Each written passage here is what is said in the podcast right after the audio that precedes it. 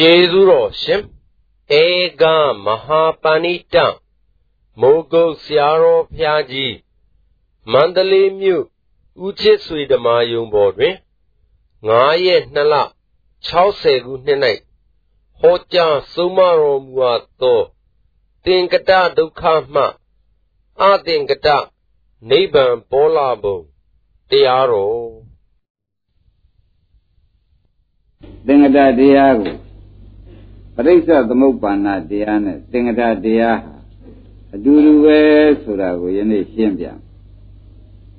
အဲ့တော့ဒီမနေ့ကပြောခဲ့ဓမ္မရိခန္ဓာကိုယ်ကြီးကဝေဒနာခန္ဓာကြီးလို့ပြောလိုက်ဝေဒနာခန္ဓာဆိုတာဓမ္မတွေမှတ်ထားပါဝေဒနာကြီးဖြစ်တယ်လို့ဘယ်ခါကာလမှမယူပါနဲ့ခန္ဓာ၅ပါးနဲ့ပြင်စောကာရဘုံမှာပေါင်းဖြစ်တယ်လို့ယူထားကြတယ် ဝေဒနာဝေဒနာကြီးဖြစ်တာကြံတဲ့၄ပါးနဲ့ပေါင်းနေသလားဓမ္မဝေဒနာဝေဒနာကြီးဖြစ်သလားကြံတဲ့၄ပါးနဲ့ပေါင်းနေသလားကြံတဲ့၄ပါးနဲ့ပေါင်းနေတယ်ဆိုတာသိသိချာချာမှတ်အဲ့တော့ကြံတဲ့၄ပါးနဲ့ပေါင်းပြီးဒီကလာနေတော့ပြောရတာဝေဒနာခန္ဓာလို့ဆိုတာတဲ့ အာလုံးခန္ဓာ၅ပါးပေါင်းပြီးဒီကလာဖြစ်တယ်လို့ဘုန်းကြီးတို့ဓမ္မတွေအာလုံးမှတ်ထားတယ်နော်။ကောင်းပြီဒါဖြင့်ဒီခန္ဓာ၅ပါးဒီဒီခန္ဓာ၅ပါးဘယ်ကလာကြုံလို့မေးတဲ့အခါကျတော့ဓမ္မတို့သိတဲ့တိုင်တဲ့ကံစေဝရုဟာရကယုတ်တရားလာတယ်ဆိုတာသိကြမှာပဲအာယုံ द्वार ကနန္တရားလာတယ်ဆိုတာမသိကြဘူးလို့ း ကောင်းပြီဒါဖြင့်ခန္ဓာ၅ပါးဒီအကြောင်းကင်းပြီးပေါ်သလားအကြောင်းနဲ့အကြောင်းတွေကပြုပြင်လို့ပေါ်သလားသလားဆိုတာစဉ်းစားပါအကြောင်းတွေကပြုပြင်လို့ပေါ်လာတယ်ဆိုတာသဘောကျကောင်းပြီအကြောင်းတွေကပြုပြင်လို့ပေါ်လာတော့သူဟာဒီကားလို့ဆိုလို့ရှိရင်သင်္ကတတရားလို့မှတ်လိုက်စမ်းဒီခန္ဓာ၅ပါးဗာတရားခေါ်ကြသင်္ကတတရားလို့သေသေးချာချာမှတ်ပါ ဘယ်နဲ့ကြောင့်သူသင်္ကတတရားလို့ဆိုရတော့ဆိုသူကပြုပြင်လို့ပေါ်နေတဲ့တရားဒကာဓမ္မတို့ဘယ်လိုဆိုကြပြုပြင်လို့ပေါ်နေတဲ့တရားလို့သေသေးချာချာမှတ်ပါဒါဖြင့်ပြုပြင်လို့ပေါ်လာတဲ့တရားပြုပြင်တဲ့သတ္တိကိုမြင်ဘာဖြစ်မယ်ထင်ကြပျက်စီးသွားပြုပြင်တဲ့သတ္တိကိုရင်ပျက်စီးသွားမယ်ဆိုတော့ဩဒုက္ခနာ၅ပါးကြီးဟာ ကံကပြုပြင်စိတ်ကပြုပြင်ဥဒုကပြုပြင်ဟာရကပြုပြင်အာယုံဒွါရကပြုပြင်ပြုပြင်လို့ခန္ဓာ၅ပါးယုံနာနှစ်ပါးပေါ်နေတယ်ပြုပြင်တဲ့တရားအချိန်ဆိုအာနုဘောတတ္တိသိမ့်လိုက်မယ်ဆိုလို့ရှိရင်ဒကာဓမ္မတွေဘယ်လိုဆုံးဖြတ်ချက်ချကြပြည့်စည်သွားဒါဖြင့်ကျွတ်တို့ခန္ဓာကိုယ်ကြီးဟာပြုပြင်လိုက်ပြုပြင်လို့ပေါ်လာလိုက်အချိန်တော်ကုန်လို့ပြည့်စည်လိုက်ဆိုတော့ ခန္ဓာ၅ပါးကြီးဟာဖြင့်ဒကာဓမ္မတို့ဝေဒနာလည်းတူတယ်ဉာဏ်နဲ့ခန္ဓာတွေလည်းတူပဲပြုပြင်လိုက်ပြုပြင်လို့ပေါ်လာတဲ့အကြောင်းတရားကုန်သွားလိုက်ပြည့်စည်လိုက်ဆိုရင်လွယ်ပါရှင်းကြခန္ဓာ၅ပါးဒီဒါဖြင့်ဒကာဓမ္မတို့ဝေကကာရမှာမြဲလိုက်မယ်ခိုင်လိုက်မယ်တည်တတ်လိုက်မယ်ဆိုတဲ့ဥစ္စာပြောစရာချက်လည်းအကွက်ပါပါရဲ့လား ဘာဖြစ်လို့တုံးဆိုလို့ရှိရင်ပြုပြင်လို့ပေါ်လာတဲ့သင်္ကတတရားလို့မှတ်လိုက်ကြမှာဘယ်လိုမှတ်ကြပြုပြင်လို့ပေါ်လာတဲ့သင်္ကတတရားဖြစ်တော့ပြုပြင်တဲ့အချိန်ဆိုလဲကုံပါရောပြည့်စည်ခြင်းတို့ရောက်ပါရောဆိုလို့ရှိရင်ပြန်သဘောကျဒါပေမဲ့ခန္ဓာ၅ပါးကိုဘာတရားလို့ခေါ်ကြမလဲသင်္ကတတရားလို့ခေါ်ပြအောင်ကြပါဓမ္မ သင်္ကတတရားလို့ခေါ်ပြအောင်ခေါ်လိုက်တဲ့ခါကျတော့ရှင်းသွားဩသင်္ကတတရားဆိုတာပြုပြင်မှပေါ်တဲ့တရားသင်္ကတတရားဆိုတာဘာဆိုကြမလဲပြုပြင်မှပေါ်တဲ့တရားဘာတရားလို့ခေါ်ကြမယ်ဒါဖြင့်ဒကာဓမ္မနောက်တုန်းကလည်းပြုပြင်လို့ပေါ်ပြီးပြုပြင်တဲ့တရားကအကြောင်းတွေသိမ့်လိုက်တဲ့အခါကျတော့သင်္ကတခန္ဓာကြီးကပြည့်စည်ခြင်းကိုရောက်ခဲ့မရောက်ပါဘူး ဒီလိုရောက်လာတာဘလောက်ကြာကြုံလို့မဲလို့ရှိရင်ဘယ်နဲ့ဖြေကြမရေတွက်နိုင်ဘူးဆိုတဲ့အဖြေတွေအများကြီးမထွက်ဘူး။ခိုင်းတရားဓမ္မတို့ကံကပြည့်ပြန်လိုက်စိတ်ကပြည့်ပြန်လိုက်ဥဒုကပြည့်ပြန်လိုက်တော့ဒီခန္ဓာ၅ပါးကြီးကပေါ်မလာဘူး။သူ့ဘာတရားခေါ်ကြမလဲ။သင်္ကတတရားကပြုပြင်တဲ့အကြောင်းတွေကဒီဘက်ကသူ့ပြုပြင်တဲ့အကြောင်းတွေက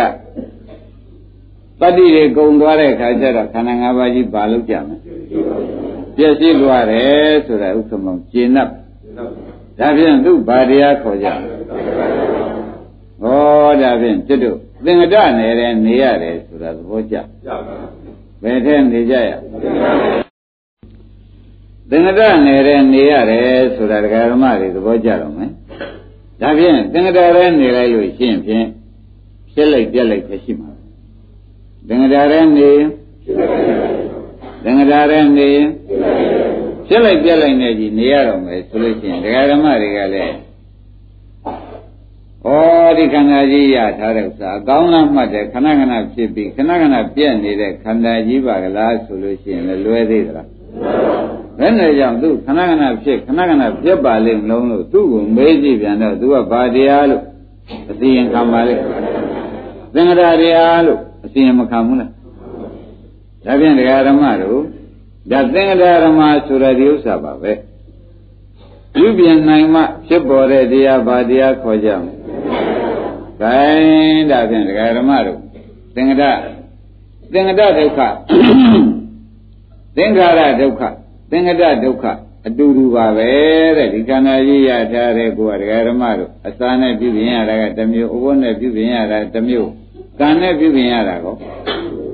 အာဟာရနဲ့ပြုပြင်ရတာကောအာယုန်လေးနဲ့ပြုပြင်ပေးနေရတာကောဒါဖြင့်ဒီတန်းခဏခဏတနေ့မှမပြုပြင်ရတဲ့အချိန်တဏှာဤတစ်စက္ကန့်မှမနာမနေပြုပြင်နေရတဲ့အချိန်ကြီးပဲလို့ဆိုလို့ရှိရင်လွယ်ပါဘာတရားပါလိမ့်တိုင်းဓမ္မတို့တတုခန္ဓာကိုယ်ကြီးရထားတာကဖြင့်ပြုပြင်ပြီးဒီကလာနေရတာပဲ ဘာကြောင့်ထပ်ပြန်တယ်လဲပြုပြင်ရတယ်လို့ဆရာဘုန်းကြီးကမေးလို့ရှိရင်ပြက်ပြက်သွားလို့ဘယ်လိုဆုံးဖြတ်ချက်ချလဲပြက်ပြက်သွားတော့မပြုပြင်မပြုပြင်ရင်လည်းအစားထိုးเสียရှိသေးရဲ့ဒါဖြင့်ခင်ဗျားတို့ကျွတ်ခန္ဓာကိုယ်ကြီးဗာတရားလို့ခေါ်ကြအဲသင်္ကတတရားဆိုတာကတော့ဖြစ်မှုပြတ်မှုရှိတယ်လို့မှတ်လိုက်ကြဒုက္ခမောင်ဘာခေါ်ကြမြတ်ရွှေဘာခေါ်မလဲ ဖြစ်မှုပြတ်မှုရှိတယ်ပြုပြင်လိုက်ရင်ဖြစ်တာပဲမပြုပြင်လိုက်ရင်ပြုပြင်လိုက်ရင်ဖြစ်တယ်မပြုပြင်လိုက်ရင်ဒါဖြင့်ကျတော့ခန္ဓာ၅ပါးကြီးကိုဗာတရားခေါ်ကြသင်္ကတတရားခေါ်ကြတော့ဩတဲ့ခန္ဓာကိုယ်ကြီးကသင်္ကတပြုပြင်နိုင်မှဖြစ်ပေါ်ကြတဲ့သင်္ကတတရားတွေပါလားလို့ယနေ့သေချာမှတ်ထားပါအဲ့ဒါဒီသင်္ကတတရားကိုပဲဒကာဓမ္မတို့ ဒါပရိစ္ဆသမုပ္ပန္နတရားလို့လည်းဆိုပါဦးခမောင်ရပရိစ္ဆသမုပ္ပန္နတရားလို့လည်းဆိုလိုက်စမ်းပါဘာလို့ဒီရှိသူအကြောင်းတွေကပြည့်ပင်တော့ဒါအကျိုးတရားမဖြစ်ဘူးလားပရိစ္ဆသမုပ္ပါအကြောင်းကြောင့်အကျိုးပေါ်လာတဲ့ခန္ဓာကြီးဆိုရင်ကိုလွယ်ပါဒါဖြင့်သူ့သင်္ကရာတရားလို့ပဲဆိုရဲဆိုပါတော့ပဋိစ္စသမုပ္ပါဏတရားလို့လည်းမဆိုနိုင်ဘူးလား ဒါဖြင့်သင်္ကရာတရားလို့လည်းဆိုနိုင်ပဋိစ္စသမုပ္ပါဏတရားလို့လည်းဆိုနိုင်တယ်ဆိုတာကသဘောကျဒါဖြင့်ဓမ္မတွေသဏ္ဍာန်ပေါ်လာတဲ့ဒီဥမာဒီဓမ္မဝေဒနာပါတယ်ဝေဒနာကမကုံသေးလို့ဝေဒနာပြည့်စရာတဏှာဆိုတာလေဝေဒနာကမပြုတ်ရင်ပဲနဲ့တဏှာပေါ်ပါဒါဖြင့်ဒီတဏှာကိုဘာတရားခေါ်သင်္ခါရတရားပဲခေါ်လိုက်သဘောကျ တဏှာပြည့်စရာဥပါဒံဆိုတာလေတဏှာကပြုတ်ရင်လည်းဥပါဒံဖြစ်လာသောကြောင့်သူ့ဘာဆိုကြမလဲသင်္ခါရတရားပရိစ္ဆသမုပ္ပါဏတရားဆိုကြမှာဆိုအတဲ့ပဲမတည့်ဘူးလားဥပါဒနာပြည့်စရာကမ္မဘောဆိုတာရောအင်းသင်္ခါရတရားပရိစ္ဆသမုပ္ပါဏတရားလို့အားလုံးတရားနာတဲ့ဓမ္မတွေမှတ်လိုက်ချမ်းရှင်းမလားဒါဖြင့်ဒီတရားတွေဟာ ပြုပြန်လိုက်ပြက်လိုက်ပြုပြန်လိုက်ပြက်လိုက်ပြုပြန်လိုက်တရားကလည်းပြုပြန်လိုက်ပြည့်စည်သွားလိုက်ပြုပြန်လိုက်ပြည့်စည်လိုက်ပြုပြန်လိုက်ပြည့်စည်လိုက်ဆိုတဲ့အဓိပ္ပာယ်ရှင်းလားဒါဖြင့်ဒီခန္ဓာကြီးမှာသင်္ကိုယ်သဘောပါရှိပါလိမ့်မလို့လို့မေးကြပါစို့နော်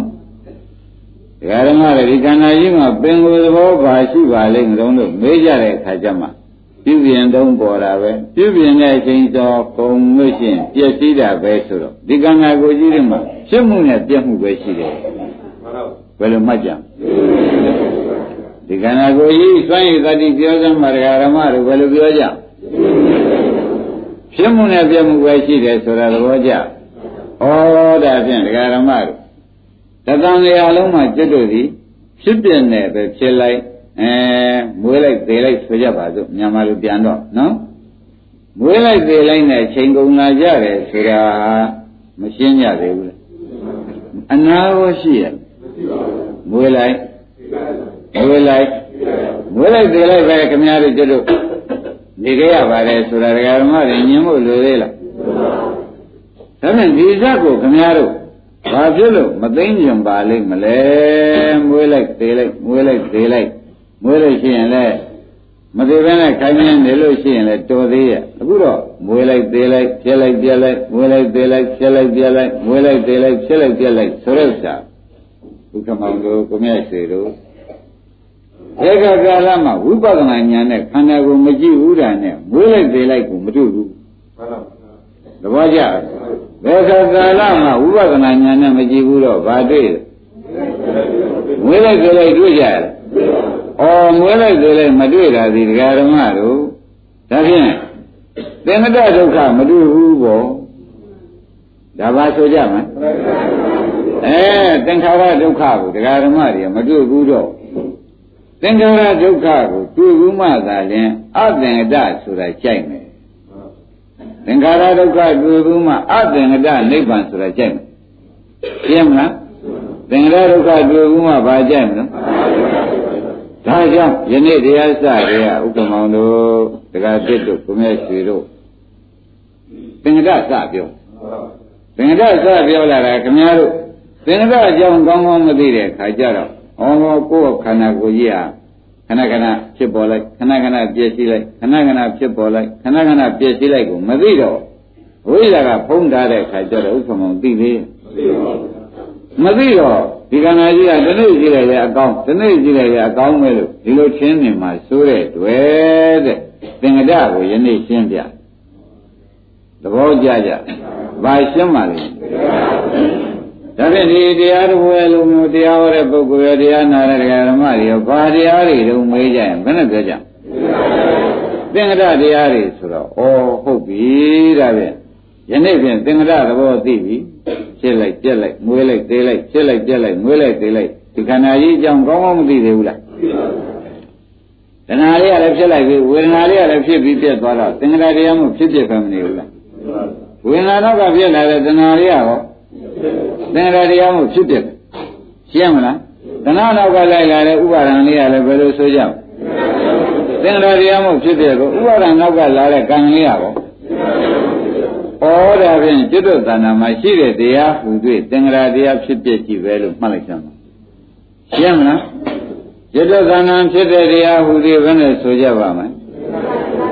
သင်္ကြန်တရားမို့ဘယ်မှာလမ်းဆုံးပါလဲရှင်းမှုပြမှုမှာလမ်းဆုံးတယ်လို့ရှင်းရှင်းလင်းလင်းမှတ်ထားရသမရဓမ္မတို့နော်သင်္ကြန်တရားဘယ်မှာလမ်းဆုံးပါလဲ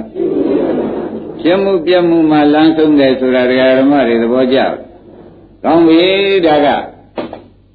တရားဓမ္မတွေဘုန်းကြီးများကဟောရတာကသင်္ကြန်တရားမို့ဖြစ်ပါတယ်ပြက်ပါတယ်ဆိုတာအခုတရားပွဲထဲမှာပြောနေ냐တော့လေအိမ်ကြတဲ့အခါကျတော့ညံလေးနဲ့ကြည်စမ်းပါနော်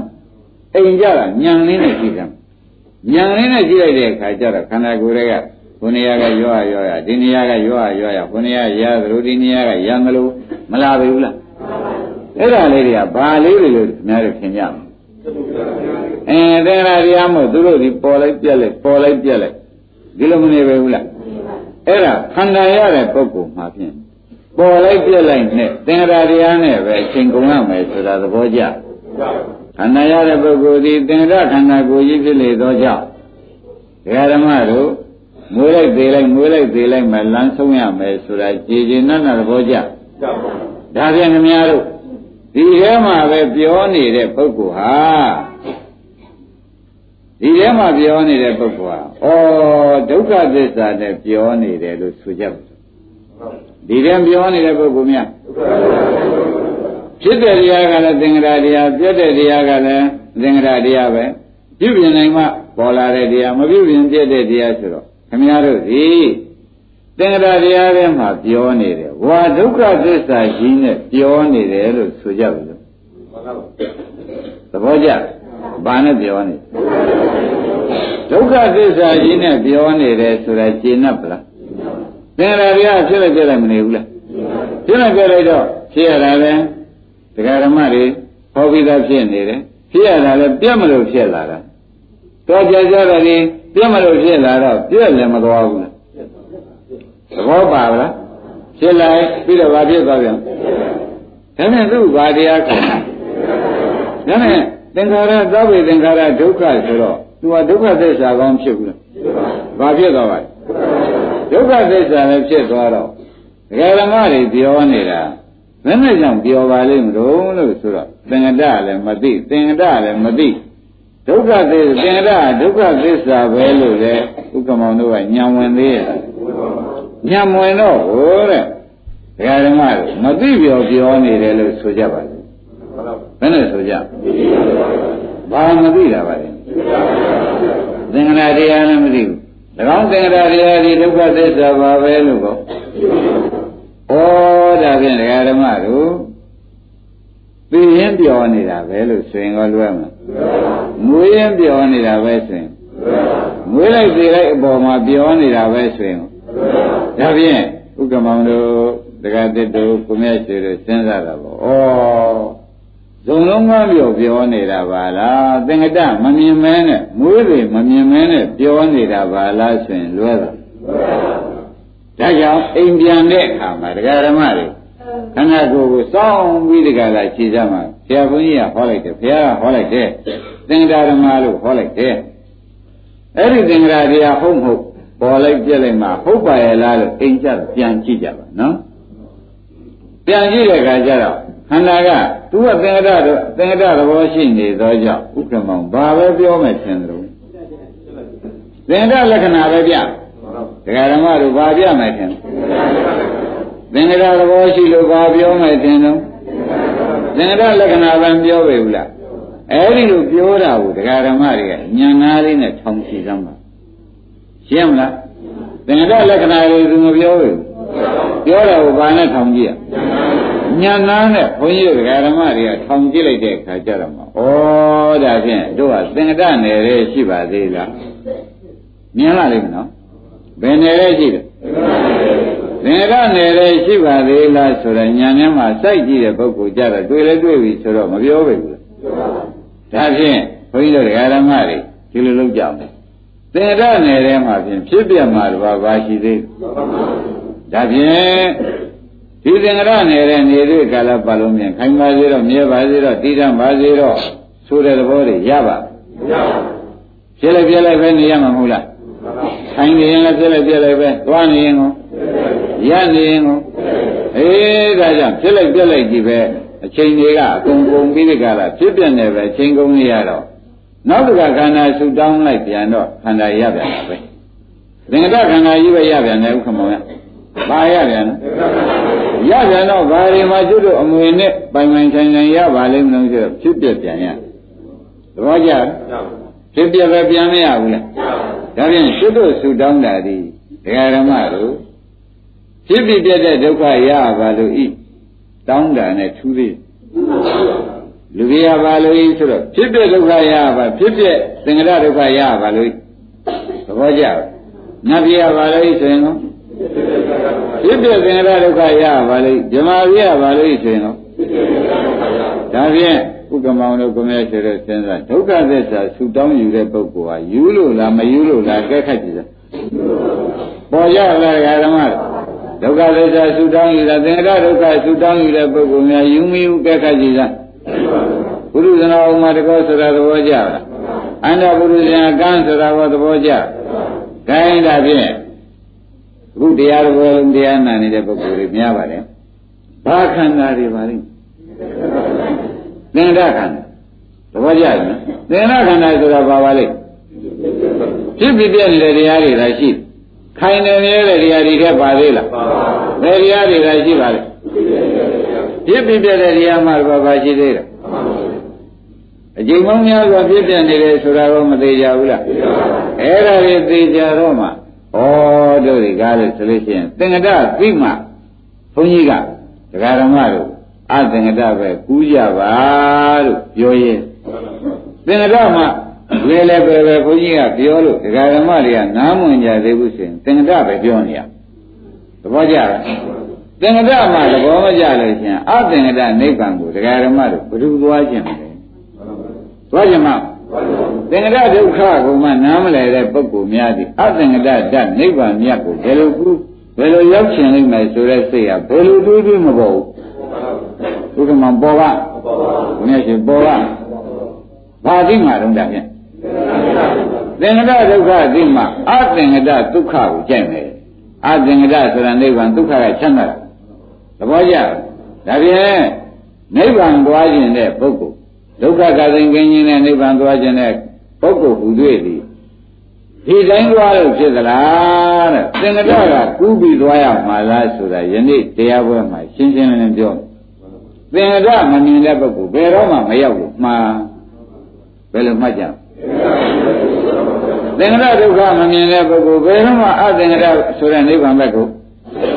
ရောက်နိုင်မှာမလားဒါဖြင့်ဘုရားတချို့သူပွင့်သွားတဲ့အခါမှာပုဂ္ဂိုလ်တ attva တွေဒကာသစ်တို့ကိုမြတ်ရွှေတို့ဥက္ကမောင်တို့အများကြီးကြံရစ်တယ်ဆိုတာဘယ်လိုပုဂ္ဂိုလ်ပါလိမ့်မလို့လို့မေးရင်ခင်ဗျားတို့ရှင်းတော့ပါပြီသင်္ကတဒုက္ခကိုမသိတဲ့ပုဂ္ဂိုလ်ဟူတွေ့ပြမယ်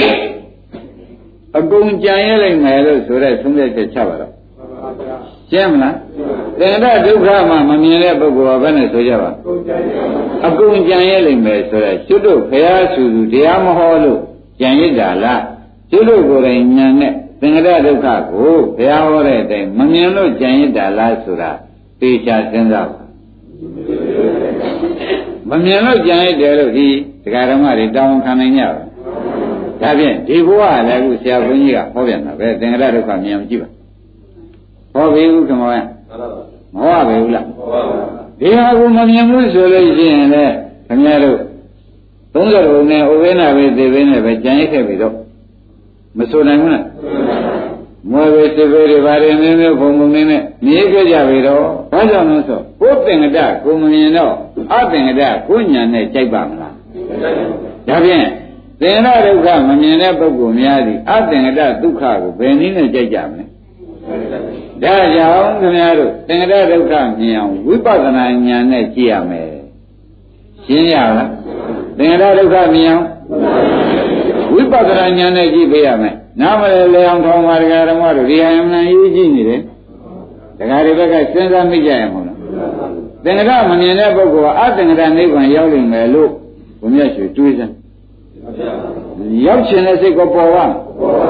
ရောက်ခြင်းတဲ့စိတ်လည်းပေါ်မှာမဟုတ်ဘူးရလည်းရမှာမဟုတ်ဘူးဆိုတဲ့ဥစ္စာဒကာဓမ္မတွေဧကံပဲလို့သုံးတဲ့ချက်ချသမ်း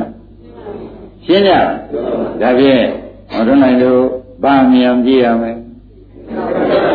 သင်္ကတဒုက္ခမြင်အောင်ကြည့်ရမယ်သင်္ကတမြင်ဒုက္ခပါလာတာပဲဖြစ်တာပြတာသင်္ကတမဟုတ်လားအဲဒီဖြစ်ပြဒုက္ခသစ္စာပဲသဘောပါကြဘူး ဒါဖြင့်ဖြစ်ပြပါတရားပါလေသင်္ကတတရားလဲဆိုသစ္စာခေါ်လိုက်တော့ဒုက္ခသစ္စာပဲဆိုတော့သိကြပါလားဒါဖြင့်ဒီသင်္ကတဒုက္ခကိုမှဘုန်းကြီးတို့ဓမ္မတွေကိုညာနဲ့ကိုယ်ခန္ဓာစိုက်လိုက်လို့မတွေ့သေးဘူးဆိုရင်ဖြင့်ဒီပုဂ္ဂိုလ်ကနိဗ္ဗာန်အသင်္ကတနိဗ္ဗာန်ရောက်နိုင်မယ်လို့ဥက္ကမောင်ဘယ်တော့မှမယုံနေရှင်းမလားဒါဒီအစ်တရားမှန်လို့ သေသေးချာချာမှတ်စမ်းပါဘယ်လိုမှတ်ကြမလဲဒီအစ်တရားမှန်ပဲတဲ့သင်္ခါရဒုက္ခကိုမမြင်ပဲနဲ့တခါတည်းအသင်္ကတနိဗ္ဗာန်ပဲသူကူးကျင်ပါတယ်ဆိုတဲ့ဥစ္စာဖြစ်နိုင်မှာသဘောပါကြအဲ့ဒါကြောင့်ဘုန်းကြီးတို့ဓမ္မတွေယနေ့တရားစရဲကခန်းနဲ့နဲ့ပဲပြောနေတယ်မပြင်းကြနဲ့တော်တော်ရေးကြည့်တယ်လို့ဆုံးဖြတ်ချက်ချပါနိဗ္ဗာန်ကိုသင်္ကတမမြင်တဲ့ပုဂ္ဂိုလ်ဟာအသင်္ကတနိဗ္ဗာန်ကို မြည်ဒီနည်းနဲ့မှမကြိုက်ဘူးဆိုတာကိုသဘောကျတယ်ကဲဒါဖြင့်အာလုံးဓမ္မတွေသင်္ကတသင်္ကတကဘယ်သူပါလိမ့်မလဲဆိုတော့ခမည်းတော်ခန္ဓာကိုယ်သဘောကျသင်္ခါရဒုက္ခကအားလုံးဒကာဓမ္မတွေခန္ဓာကိုယ်ရှင်လောဘအဲ့ဒါကိုဉာဏ်နဲ့ကြည့်ရမယ်ဉာဏ်နဲ့ကြည့်တော့မှဒီသင်္ခါရဒုက္ခဆိုတဲ့ဒုက္ခသစ္စာကိုခန္ဓာကိုယ်ထဲမှာကိုယ်ဉာဏ်ကမတွေ့ပဲဘူးလား တွေ့လာတဲ့အခါကျတော့မှဩမိမိဟာမိမိဖြစ်နေတဲ့ခန္ဓာကြီးဟာအဖြစ်ဆိုးကြီးပါလားဆိုတာပေါ်တဲ့မပေါ်တဲ့ရှင်းမလားဒါဖြင့်ဒီဖြစ်ဆိုးကြီးမြင်တော့မှအင်းဒီကိုကြောက်မှကောင်းပါပဲဆိုတာလာလိမ့်မနော်ဒီကိုမကြင်ကောင်းနိုင်မှာမလားအဲ့ဒါဒီဘုရားဓမ္မတွေကဒီတိုင်းထိုးရုံးဒီတိုင်းဆရာပြောရုံနဲ့တော့တရားနာရုံနဲ့ဒါကမပြီးသေးလို့မှတ်လိုက်စမ်းဘယ်လိုပါလဲ ခန္ဓာညာစိုက်ပြီးကြည့်မှပြီးကြမယ်သဘောပါကြဘာလို့ရမလဲခန္ဓာညာဆိုင်ပြီးကြည့်တဲ့အခါကျတော့မှဩသင်္ခါရသင်္ခါရဒုက္ခတွေပါလားဖြစ်ပြနေတာမှတပါဘာမှမရှိတော့ပါလားဆိုတော့မှကိုယ်ခန္ဓာကြီးဟာအရတော်လေသွားလားအရဆိုးလေသွားလားသုံးပြချက်ချကြည့်လားအရဆိုးလေသွားလို့မလားဘူးလား ကောင်းပြီဒါဖြင့်အရဆိုးလေသွားဆိုတဲ့စိတ်ကလေးဉာဏ်လေးဥက္ကမောင်ပေါ်လာမှအတ္တငဒဘက်မှာကောင်းမှာပဲဆိုတာသူ့ဟာကိုကြောင်းလိုက်မှန်ပါပါမျက်မှန်ကြောင်းမှာမလားကြောင်းပါပါအဲ့ဒါဓမ္မတွေကတရားဟောလာတာနိုင်ဝက်ဆိုသလိုပဲတဲ့ကြီးပါပြီနိုင်ဝက်တောင်နဲ့ကြော်သွားပါပြီဒီတလုံးနဲ့ပြောနေတယ်သင်္ကရကမမြင်ရင်အတ္တငဒနိဗ္ဗာန်မရဘူးလို့ရှင်းမလားသင်္ခါရဒုက္ခမမြင် အတ္တငဒနိဗ္ဗာန်ကိုမရနိုင်ဘူးဓမ္မတွေအဲ့ဒါကြောင့်မပြင်းမိပဲနဲ့တရားကိုလည်းအော်ကြည်နည်းကဒီလိုကြည့်ရမှာလားကြည်နည်းကဒီနည်းတည်းကြည့်ရမှာနော်ခန္ဓာကိုယ်ညာနဲ့လဲပြီးပေါင်းထုံးလိုက်ပြီးကြည့်စမ်းပါဖြတ်ပြတ်ဖြတ်ပြတ်နဲ့ဘာလို့နေတာလုံးငွေစံခန္ဓာကိုယ်ထဲမှာဖြစ်တဲ့သင်္ခါရဒုက္ခတွေကကျွတ်တို့ညာကိုပြောနေတာမဟုတ်လားဘာတွေကပြောနေ ကျွတ်တို့ဟာသင်္ခါရဒုက္ခတွေဗျကျွတ်တို့ဟာသင်္ခါရဒုက္ခတွေဗျခန္ဓာကိုယ်ကြီးကမပြောဘူးအဲဒီခန္ဓာကိုယ်ကပြောတာကိုညာကကြည့်ပေးရနော်မကြည့်တတ်တဲ့ပုဂ္ဂိုလ်မှာခန္ဓာကမပြောပါဘူးဥက္ကမောင်ရကြည့်တတ်တဲ့ပုဂ္ဂိုလ်ကြတာခန္ဓာကပြောလာတဲ့အခါကျတော့မှသူပြောတာကိုခင်ဗျားတို့ကသူများပြောမဟုတ်တော့ကြောင့်အယုံကြီးယုံလိုက်စမ်းပါလို့ဘုန်းကြီးကသတိပေးလိုက်ပါတယ်သူများပြောလားခန္ဓာကပြောတာ အဲခန္ဓာကပြောတာကိုမှအယုံကြီးယုံလိုက်တဲ့ခါကျတော့မှဩတို့ဒီကားလို့ဆိုရင်ဘယ်သူနဲ့အတူတူနေရပါလိမ့်မလို့ဆိုတော့သင်္ခါရဒုက္ခသစ္စာကြီးနဲ့အတူတူနေရတယ်ဆိုတော့ဘောမလားအဲ့ဒါများများကြည့်ပေးရရှင်းမလားအဲဘာများများကြည့်ရမလဲသင်္ခါရဒုက္ခများများကြည့်ရမယ်ဆိုသဖြင့်ဒကာဓမ္မတို့ခန္ဓာကိုယ်ထဲမှာလည်းသင်္ခါရဒုက္ခမှတပါးကြံကျွန်းဒုပြင်ဘာမှမရှိသေး ဘာမှမရှိဘူးဆိုတာသိကြပါလားအဲ့ဒီသိကြအောင်ဩသင်္ခါရဒုက္ခမှာတော့ဘာမှမရှိပါလားဒါတွေကသုံးရှိနေပါလားသင်္ခါရဒုက္ခတွေသာသုံးရှိနေပါလားလို့ရှိပေးကြပါတပည့်ကြလားကဲအဲ့ဒီသင်္ခါရဒုက္ခကိုကြည့်လို့ခမည်းတော်ကခန္ဓာကိုယ်ထဲမှာမြင်ပြီမင်းဝေဒနာကြည့်လိုက်ပြန်လဲသင်္ခါရဒုက္ခစိတ်ကလေးရဲ့ပေါ်လာလိုက်ကြည့်လိုက်ပြန်လဲပြက်ပြက်သွားပြန်တော့ပါပါလိမ့်အင်းရုပ်ကလေးရဲ့လို့ပေါ်လာတာကြည့်လိုက်ပြန်တော့လေ ကဲတော့ပြန်ဓမ္မတို့ပါဠိတွေ့နေရအဲသင်္ခါရဒုက္ခကြီးဥက္ကမောင်တို့တွေ့ကြပါလိမ့်မယ်နော်ဒါဘာသင်နေတာတုံးလို့ဒကာဓမ္မတွေကမမေးပါနဲ့တော့တဲ့ဝိပဿနာရှင်နည်းသင်နေတာလို့မှတ်လိုက်စမ်းရှင်းမလားဘာသင်နေတာခန္ဓာကိုယ်စိုက်တိုင်ကြည့်စိုက်ကြည့်လိုက်ခြင်းနဲ့ခန္ဓာကိုယ်ကနာသလိုရသလိုစိတ်တွေမျိုးမျိုးပေါ်ပြီးတောက်ပြက်သွားတာတွေ အယုတ်တွေမျိုးမျိုးပေါ်ပြီးဖောက်ပြန်သွားတာတွေမပြောပေဘူးလားပြောအဲသူကဘာဒုက္ခတွေလို့သူကပြောတယ်သင်္ခါရဒုက္ခတွေလို့သူကပြောပါလေခန္ဓာကပြောရင်းမိဒါဖြင့်ဒကာဓမ္မတို့နိဗ္ဗာန်ရောက်ခြင်းအရိယာမျက်လုံးတက်ပေးရတယ်ဥက္ကမောင်နိဗ္ဗာန်ရောက်ခြင်းအဲသင်္ခါရဒုက္ခကိုမြင်တဲ့မျက်လုံးကိုခမည်းတော်ဆရာဘုန်းကြီးတက်ပေးနေတယ်လို့မှတ်လိုက်စမ်း ဒါအရိယာမျက်လုံးတက်ပေးတဲ့နေပဲရှင်းမလားနိဗ္ဗာန်ရောက်ခြင်းပါတက်ပေးရမလားအရိယာမျက်လုံးတက်ပေးရမယ်ဆိုတာကိုသိကြပါလားခင်ဗျားတို့ပင်ကိုမျက်လုံးနဲ့တော့ပြင်လှတာရဲ့အယုတ်ဆိုးတာရဲ့အကြီးတန်တာရဲ့ဥက္ကမောင်ဒါပဲမြင်တယ်သင်္ခါရဒုက္ခကိုတော့မမြင်နိုင်ဘူးဆိုတာသိကြကြပါလားအဲ့ဒါယနေ့ဒီဘယ်နဲ့ကြောင့်ဆရာဘုန်းကြီးဒီဥစ္စာဟောပါလိမ့်မလို့လို့ခင်ဗျားတို့ကမေးမေးကြတယ်နော် ခင်ဗျားတို့စိတ်ကသင်္ခါရဒုက္ခမြင်လို့ရှိရင်ဖြင့်ဘုန်းကြီးကအသင်္ကတပဲခင်ဗျားတို့စိတ်ကြည့်လိမ့်မယ်ဆိုတာကသိသိချာချာဟောတာသင်္ခါရဒုက္ခမြင်ရင်အသင်္ကတပဲကိုခင်ဗျားတို့ညာပြေးတော့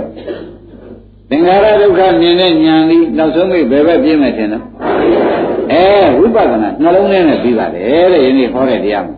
ပရမရှိဥစွာသင်္ခါရဒုက္ခမြင်ဖို့နောက်သင်္ခါရဒုက္ခကို သင်္ခါရဒုက္ခမမြင်မဲနဲ့အသင်္ကတဘက်သို့ခင်ဗျားတို့ဉာဏ်ကူးသွားရမယ်သဘောကျလားပရမရှိဥစွာဗာမြင်ရမယ်သင်္ခါရဒုက္ခကိုမြင်ရမယ်အဲ့ဒီသင်္ခါရဒုက္ခမြင်မှများလာပြီသုံးပါးဖြင့်ဒုက္ခဖြစ်ပဲလို့ဝိပါနိုင်ပြီးဒီကလာလာတဲ့အခါကြလို့ရှိရင်တကယ်သိညံပဲပဲပြေးသွားလိမ့်မယ်ရှင်အတ္တန္တဒုက္ခပဲပြေးလိမ့်ရှင်းမလားအဲ့တော့ဝိပဿနာဟာတဲ့ဒကာဓမ္မတို့ ဒါနာမရူပပရိစ္ဆေဒကျမ်းကလာပါတယ်လို့မှတ်လိုက်သမှာနော်နာမရူပပရိစ္ဆေဒကျမ်းကလာတယ်လို့မှတ်လိုက်သမှာသနေဇာနုတ္တရမက်က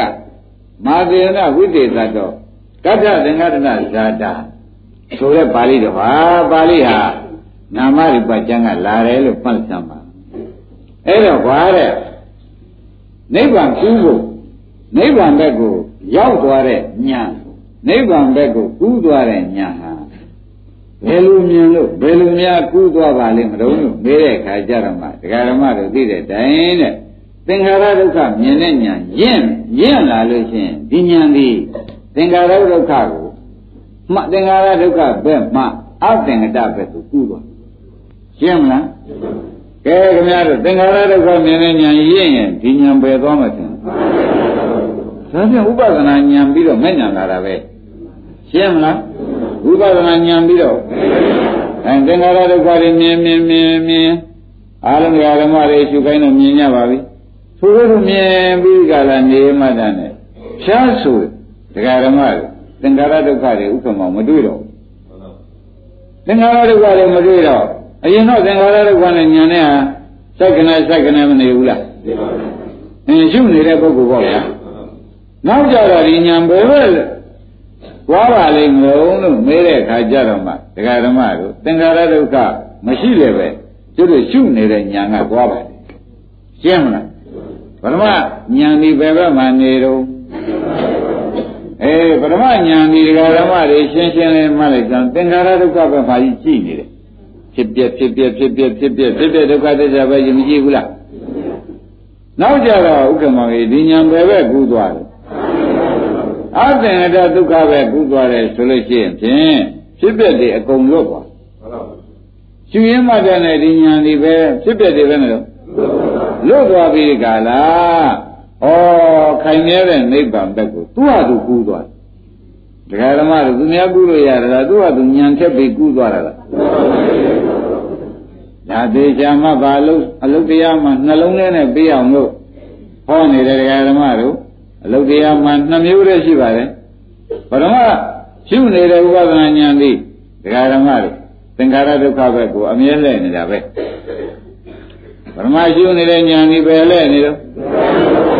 သင်္ခါရဒုက္ခပဲလဲနေတာပဲဆိုတာသိကြပါလားအဲ့ဒါသင်္ခါရဒုက္ခပဲလဲနေတယ်ဆိုတာသိပြမိကြပဲလဲနေတယ်ဆိုလည်းဟုတ်တာပဲဖြစ်ပြဒုက္ခပဲလဲနေတယ်ဆိုရင်ဖြစ်ပြအနတ္တပဲလဲနေတယ်ဆိုရင် အဲ့ဒီလဲရကနေပြီးဒီကာလဒီဉာဏ်ဒီအခုရှုနေတဲ့ဉာဏ်ဒီဒါသင်္ခါရဒုက္ခတွေထားပါတယ်ဒီဘက်ကတွေကဒီသင်္ခါရဒုက္ခတွေကိုတစ်ခုပေါ်လိုက်တစ်ခုပြလိုက်တစ်ခုပေါ်လိုက်တစ်ခုပြလိုက်လိုက်လိုက်လိုက်လိုက်ပြီးဒီကာလသွားတဲ့အခါကျတော့သင်္ခါရဒုက္ခတွေဒီဉာဏ်တွေကအခုမမြင်မေဘူးလေအဲမြင်ရကနေပြီးဒီကာလနောက်ဒီညာဘယ်ဘက်လှည့်သွားသလုံးလို့မေးရမလို့ဖြစ်ကြဟောသင်္ခါရဒုက္ခတွေအကုန်ချုပ်တယ်ချုပ်တယ်ပဲလှည့် သင်္ခါရဒုက္ခတွေအကုန်ချုပ်တော့အသင်္ကတဒုက္ခလို့ဥက္ကမောင်ဆိုလိုက်စမ်းဘယ်လိုဆိုရမလဲအသင်္ကတဒုက္ခတွေဓမ္မတို့အသင်္ကတနိဗ္ဗာန်ရှင်းမလားအသင်္ကတနိဗ္ဗာန်ဆိုတာဘုံတော်လည်းရှင်းမလားနောက်ကဓမ္မတွေဒါဖြင့်ဒီညာအခုဒါကဒကာဓမ္မတွေခန္ဓာအစဉ်တန်းကြီးဆိုလိုက်ပါတော့ပထမတော့ဖြင့်ခန္ဓာပဲဘုန်းကြီးကရှုခိုင်းတာပဲ ပထမတော့ဘာရှုခိုင်းပါလဲခန္ဓာရှုတော့ခင်ဗျားတို့ကဘာတွေတွေ့ပါလဲသင်္ခါရဒုက္ခတွေမတွေ့ဘူးလားအဲသင်္ခါရဒုက္ခတွေတွေ့လို့သင်္ခါရဒုက္ခတွေတွေ့တဲ့ဉာဏ်တွေတကယ်သိရင့်နော်သင်္ခါရဒုက္ခတွေ့တဲ့ဉာဏ်တွေရင့်မလားဘူးလားတွေ့ပါများရင့်ရတာပေါ့လေတွေ့ပါများတဲ့အခါကျတော့ဒီကဒုက္ခအင်းဒီကမြင်တာဒီကဒုက္ခဒီကသင်္ခါရဒုက္ခဒီကမြင်တတ်တဲ့တရား ဒီလိုကြီးမြင်မနေပဲလားမြင်ရတော့ဒီကြတော့မြင်မှများလာတဲ့အခါဥက္ကမောင်ဒီမြင်တဲ့ညာဟာနှုတ်သွားမလားယင်းလားဒါကခမည်းတော်ပါရမီရှိလို့ယဉ်လာတာလားသင်္ခါရဒုက္ခမြင်မှများလို့ယဉ်လာတာသင်္ခါရဒုက္ခမြင်မှများလို့ယဉ်လာဆိုတော့သိကြဘူးလားဘယ်သင်္ခါရဒုက္ခမြင်မှများလို့ယဉ်လာတဲ့ခါကျတော့ ဩဒီဥစ္စာသင်္ခါရဒုက္ခမှာတော့ဘာမှမရှိပါလားမိမိခန္ဓာကိုယ်ထဲမှာဒိဋ္ဌိတွေဘာတွေတောင်ခွာနေကြမလို့တော့ပါဘူးအင်းဖြစ်လိုက်ပြလိုက်ပြလိုက်ပြလိုက်ပြလိုက်ပြလိုက်ဆိုတဲ့သင်္ခါရဒုက္ခတွေသာဧကံရှိတကယ်ရှိနေပါလားလို့ညာထဲမှာသုံးရချက်မကြဘူးအဲညာနဲ့သုံးရချက်ကြလို့သင်္ခါရဒုက္ခမြင်ရပါများရဲ့များလာပြီဆိုမှဖြင့်ဒကာဓမ္မတို့တဲ့ ဒီညာနေတဲ့သင်္ခါရဒုက္ခပဲကိုမလှဲ့တော့ရှင်းမလားသင်္ခါရဒုက္ခချုပ်တယ်ပဲလှဲ့ဘယ်ပဲလှဲ့သွားပါလဲသင်္ခါရဒုက္ခချုပ်တယ်ပဲလှဲ့သွားတယ်ကဲဒါဖြင့်ပထမညာပဲပဲလှဲ့တော့နောက်ရင်းလာတဲ့ညာပဲပဲလှဲ့တော့ဒါပဲဒါပဲတရားဓမ္မတို့ဘုရားပွင့်လာတာဟောမှာပဲ ဘုရားပွင့်လာတာဟောမှာဘုရားရလည်းဒါဟောလို့ဘုန်းကြီးကလည်းမွေစိတ်ရလို့တရားဓမ္မတွေဒါပဲဒီမွေပဲပေးနေတယ်သဘောကျလားပထမညာဒီတရားဓမ္မတို့ပဲပဲလှည့်နေရမယ်နောက်ဒီညာရင်လည်းပဲပဲလှည့်မတင်လားဒါဖြင့်ခမည်းတော်ဟောဒီဖြူဖြူလေးကအတ္တင်္ဂနိဗ္ဗာန်ထားတယ်ဒီဘက်ကသင်္ခါရဒုက္ခတွေခန္ဓာကြီးထားပါတော့နော်ဒီဘက်ကပါပါလိမ့်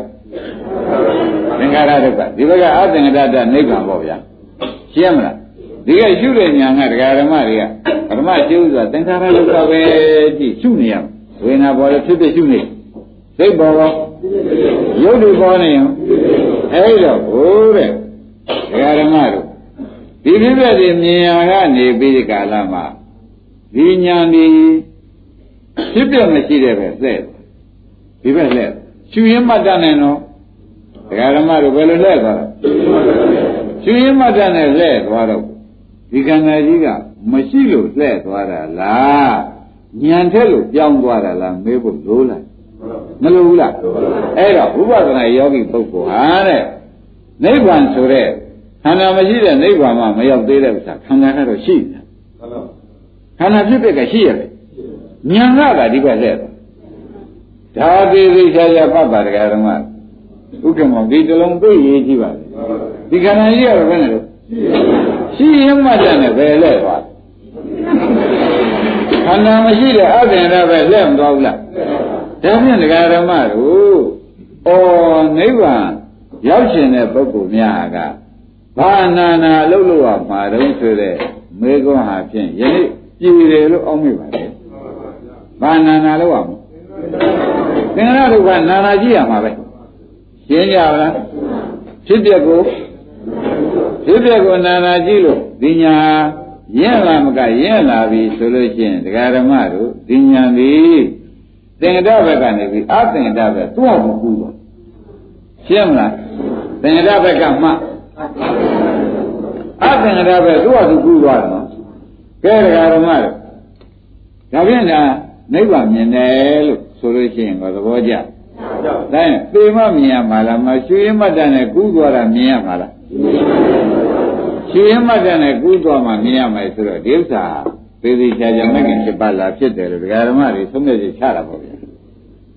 ကူးသွားလို့ရှိရင်မဂ္ဂင်7ပါးဖြစ်တယ်မကူးသေးရင်မဂ္ဂင်5ပါးနဲ့ရှုနေတယ်မှ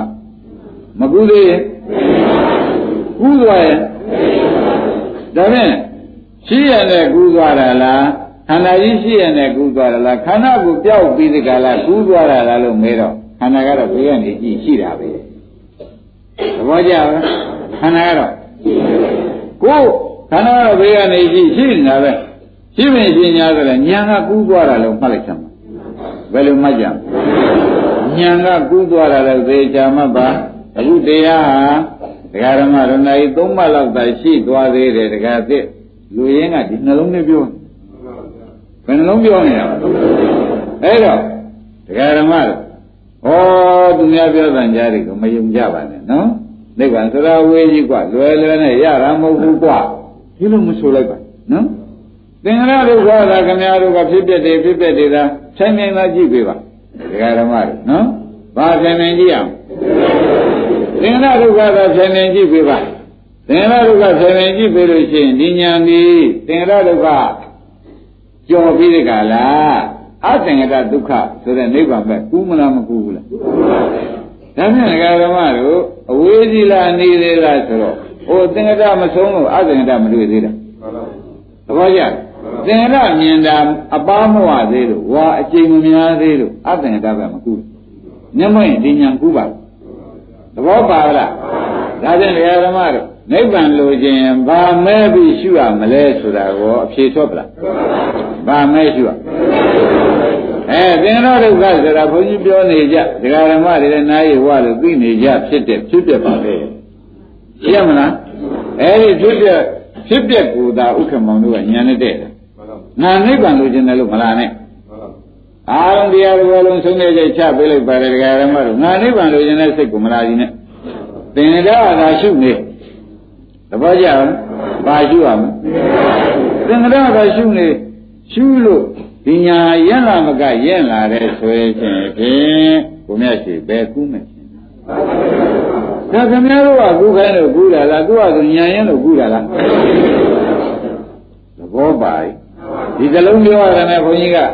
အာရုံတရားတော်ဘာလုံးဒီဆိုမြင်ရတာမိပါတယ်လို့ဘဝမတော်ဘူးလားမရှိတဲ့ပုဂ္ဂိုလ်တွေကိုဒီဥစ္စာလေးနှလုံးပြောတာအတော်ကျဉ်းတတ်သွားပြီ။ ဘာဖြစ်လို့တော့ကျဉ်းတတ်ရကြတော့လို့မဲတဲ့အခါကျတော့မြတ်ရွှေရာ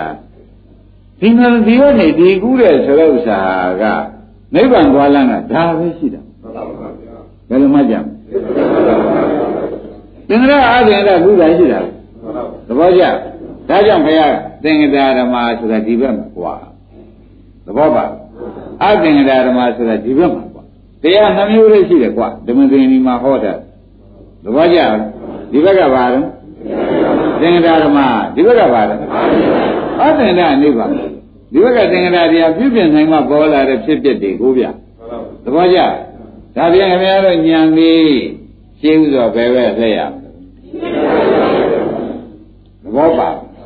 ကောင်းပြီဒါဖြင့်နိဗ္ဗာန်ဆိုတာဒကာဓမ္မတို့ရှိနေတာလား သူကရှိပြီးကြလားဒီဘက်ကအသင်တက်ကဒီစောင့်နေတာလားအဲသူကရှင်းနေနေတာလားအဲငကူကပဲအတိတ်ဘောနဲ့ရှင်းနေတာပဲလားဘယ်လိုတော့ပြစ္ဆုတ်ပံသဘောနဲ့ပဲယခုရှိနေတာလားလို့မေးဖို့မလိုဘူးလားအတိတ်ဘောနဲ့ရှင်းနေတာလားပြစ္ဆုတ်ပံသဘောနဲ့ယခုရှိနေတာလားအာအနောက်မှာအနာဂတ်ကြမှာပေါ်မှာလားလို့သုံးချက်မေးရမှာခင်ဗျားတို့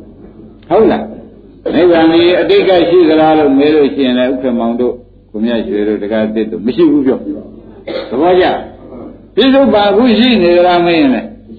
မရှိဘူးအနာဂတ်မှာရှိနေသလားလို့မေးလို့ရှိရင်မရှိပါဘူးတဲ့ဒကာဓမ္မတို့အဲ့တော့ဒီလိုရှိတဲ့တရားမဟုတ်ပါဘူးတဲ့ဒကာဓမ္မတို့ဒါမှဘယ်လိုရှိတဲ့တရားတုံးဆိုလို့ရှိရင်ဖြင့်တဲ့မိလိန်နာမင်းကြီးထည့်ပေးကြစို့ဥက္ကမနော် မိလိန်နာမင်းကြီးကနိဗ္ဗာန်ဆိုတာဒီတော့အတိတ်ကရှိပြီးသားလားဗျာယခုပြစ္ဆုတ်ကံရှိသေးလားဗျာနောက်မှပဲရှိလတန်တရားမျိုးလားဗျာဆိုတော့ဒကာကြီးဒီလိုမဟုတ်ဘူးဖြေတာပဲဒီလိုမဟုတ်ပါဘူးဒကာဓမ္မတို့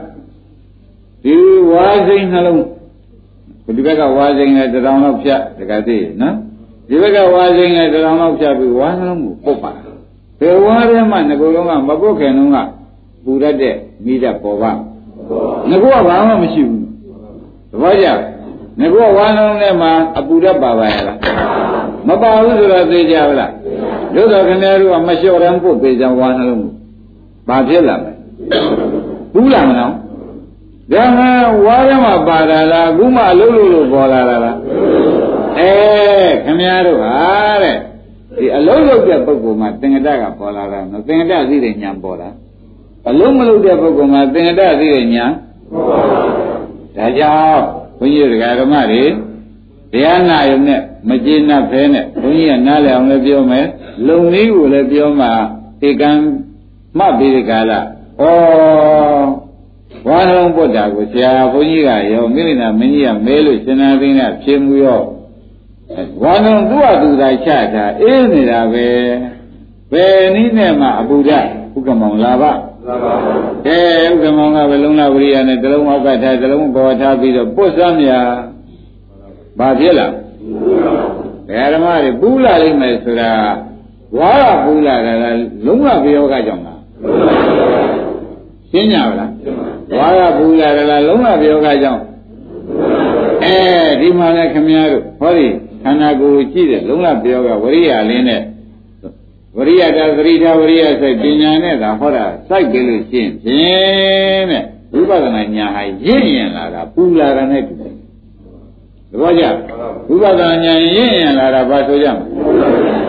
မိပူလာရဏဒီမိထွက်တော့မလို့ပူလာရဏမတူဘူးလားဒါရင်ဒါဖြင့်တိုက်နိုင်ပြီဥက္ကမောင်ကဖြစ်စေကုမြတ်ဆွေကဖြစ်စေတက္ကသက်ကဖြစ်စေတိုက်နိုင်တော့တိုက်လိုက်တော့မိထွက်လောက်တဲ့အချိန်လေးရောက်တော့တခါတော့မိကိုထတော့မ တော့ဘဲနဲ့ဒါငကူကဝါတဲ့မိပါလို့လားတဲ့လူသောပုဂ္ဂိုလ်လုံးဝဘေယောဂကြီးဆက်တံမှုကြောင့်လားရှင်းမလားဒါဖြင့်ဝါရမမင်းမပါပုပ္ပံများလို့ပူပူပါများလို့မိဖြစ်ဒီတိုင်းမနေဘူးလားဒီမှာလဲခမည်းတော်သင်္ကရာတရားကိုဒီညံလေးနဲ့အမြဲတမ်းလာကြည့်ကြည့်လိုက်ရင်ပူလာတာနဲ့တူတူပဲမိထွက်တော်မလို့ဆိုတာမဆိုလိုက်ဘူးလား ကဲဒါဖြင့်ကြည့်နိုင်လို့ကြည့်လိုက်ပြီးဆိုမှဖြင့်ဘုန်းကြီးတို့ဓမ္မတွေမှာဟောဒီတရားဝိပဿနာမက်ကလောကုတ္တရာမက်ဖြစ်ပြီးဒီကလာတခါလဲ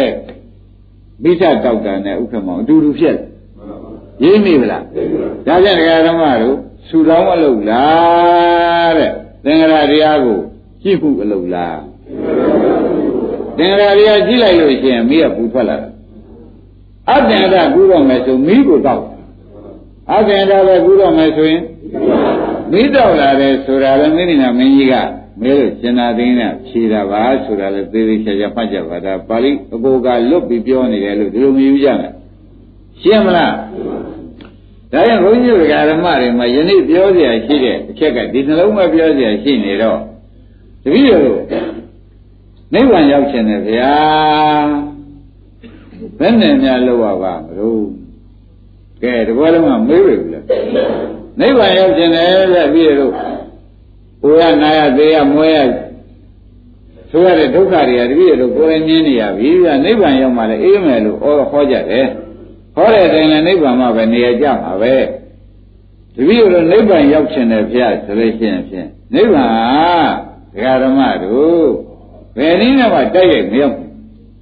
သင်္ကတဘက်ကိုညာလှည့်ပြီးမှအသင်္ကတဘက်ကိုညာရောက်မှာသ ဘောကျလား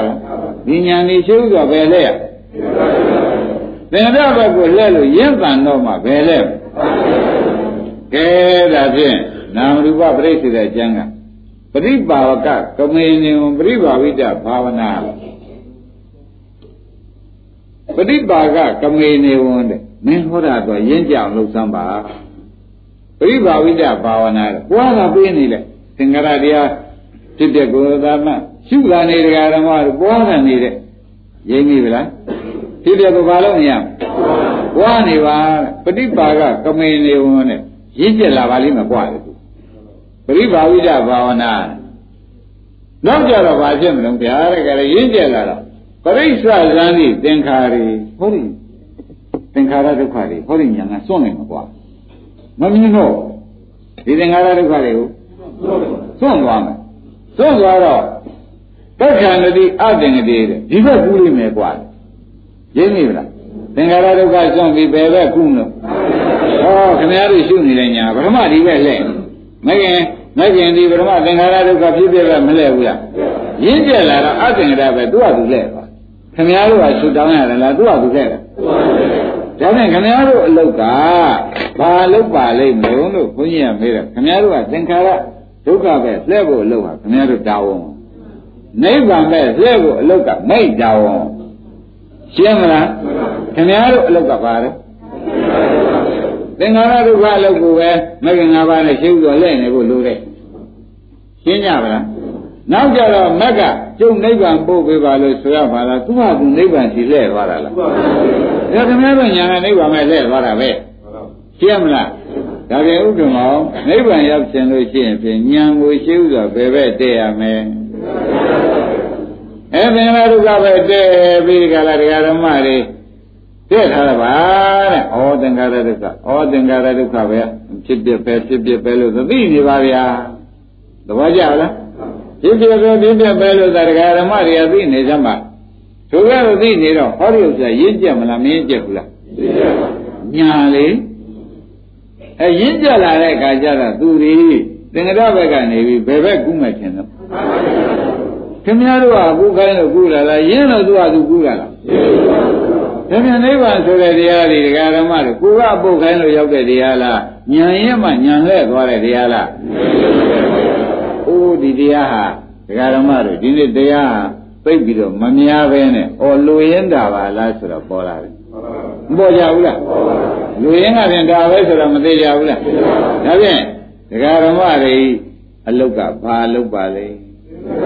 ဟောသင်္ကတပဲဒီညာလဲပြီရှင်းမလားခင်ဗျားတို့လောကပါပါလေသင်္ကတပဲညာလဲပြီရင်းလာလိမ့်မယ်တဲ့လက်ပါများတော့ဖြစ်ဖြစ်ဒီမင်းမများတော့ဖြစ်ဖြစ်ဒီမုံလိမ့်မယ်ဖြစ်ဖြစ်ဒီဒုက္ခသစ္စာလို့သူကသူရင်းလာမယ်ဟုတ်လားခင်ဗျားတို့ဆူတောင်းလို့ရင်းလာတာလားမြင်မှန်များလို့ရင်းလာလားကဲရင်းလာမကရင်းတဲ့အဆုံးကြတော့ခင်ဗျားတို့ရှုနေတဲ့ညာဘယ်ဘက်လဲမလို့ ကဲခင်ဗျားတို့ဆူတောင်းကြောင့်လဲတယ်လားရင်းလို့လဲသွားတော့ဒါဖြင့်ဘုရားရှိဩမိထွအောင်မိထွက်လာအောင်ပူလို့မိထွက်တယ်ဘယ်နဲ့ဆိုကြမိထွက်လာအောင်ပူလို့မိမထွက်လာအောင်မပူသေးလို့ရှိရင်မိကိုမထောက်မတောက်သေးဘူးရင်းနေရအဲမိထွက်လာအောင်ပူရင်ဘာဖြစ်မှတင်တော့အဲ ထိုနည်းတူပဲတဲ့ခမည်းတော်အလုပ်ကမိပွတ်နေဖို့အလုပ်ပါဒါဖြစ်ဖြစ်ရှိနေဖို့အလုပ်ပါရှင်းမလားမိထွက်လာအောင်ပူလာပြီမိထွက်လာအောင်ရင့်လာပြီဆိုလို့ရှိရင်ဒီညာဒီမကင်၅ပါးက၈ပါးမဖြစ်ပါနဲ့ဆိုလို့ရပါဒါမိထွက်လာတာပဲမိထွက်လာခြင်းနဲ့ပြင်နေတဲ့အသင်္ကရပဲမလဲလို့ဒါဖြင့်မကင်၅ပါးနဲ့အလုံးလုံးနေတော့ကသင်္ကရပဲကြည့်တဲ့တယ်မှတ်ပါမကင်၅ပါးက သူတို့အားပြည့်လာတဲ့အခါကျတော့ရှင်ဖြင့်တဲ့မကင်၈ပါးဖြစ်ပြီးဒီကရဲအသင်္ကရပဲလှည့်သွားတဲ့ဆိုတဲ့ဥစ္စာသိသိချာချာမိလိနာပညာမှလည်းလာတယ်ပြီးတော့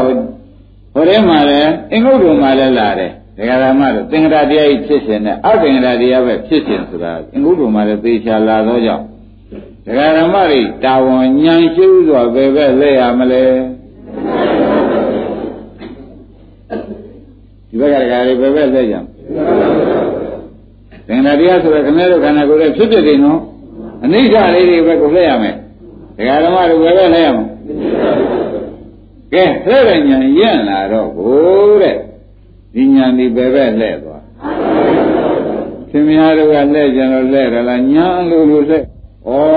ညာဒီကားလို့ဆိုရင်ဘယ်သူမှကျိုးကင်မရှိပါလားသူ့သဘောနဲ့သူလှဲ့တာပါလားဆိုတော့မပေါ်လာဘူးလား သူကမပေါ်လား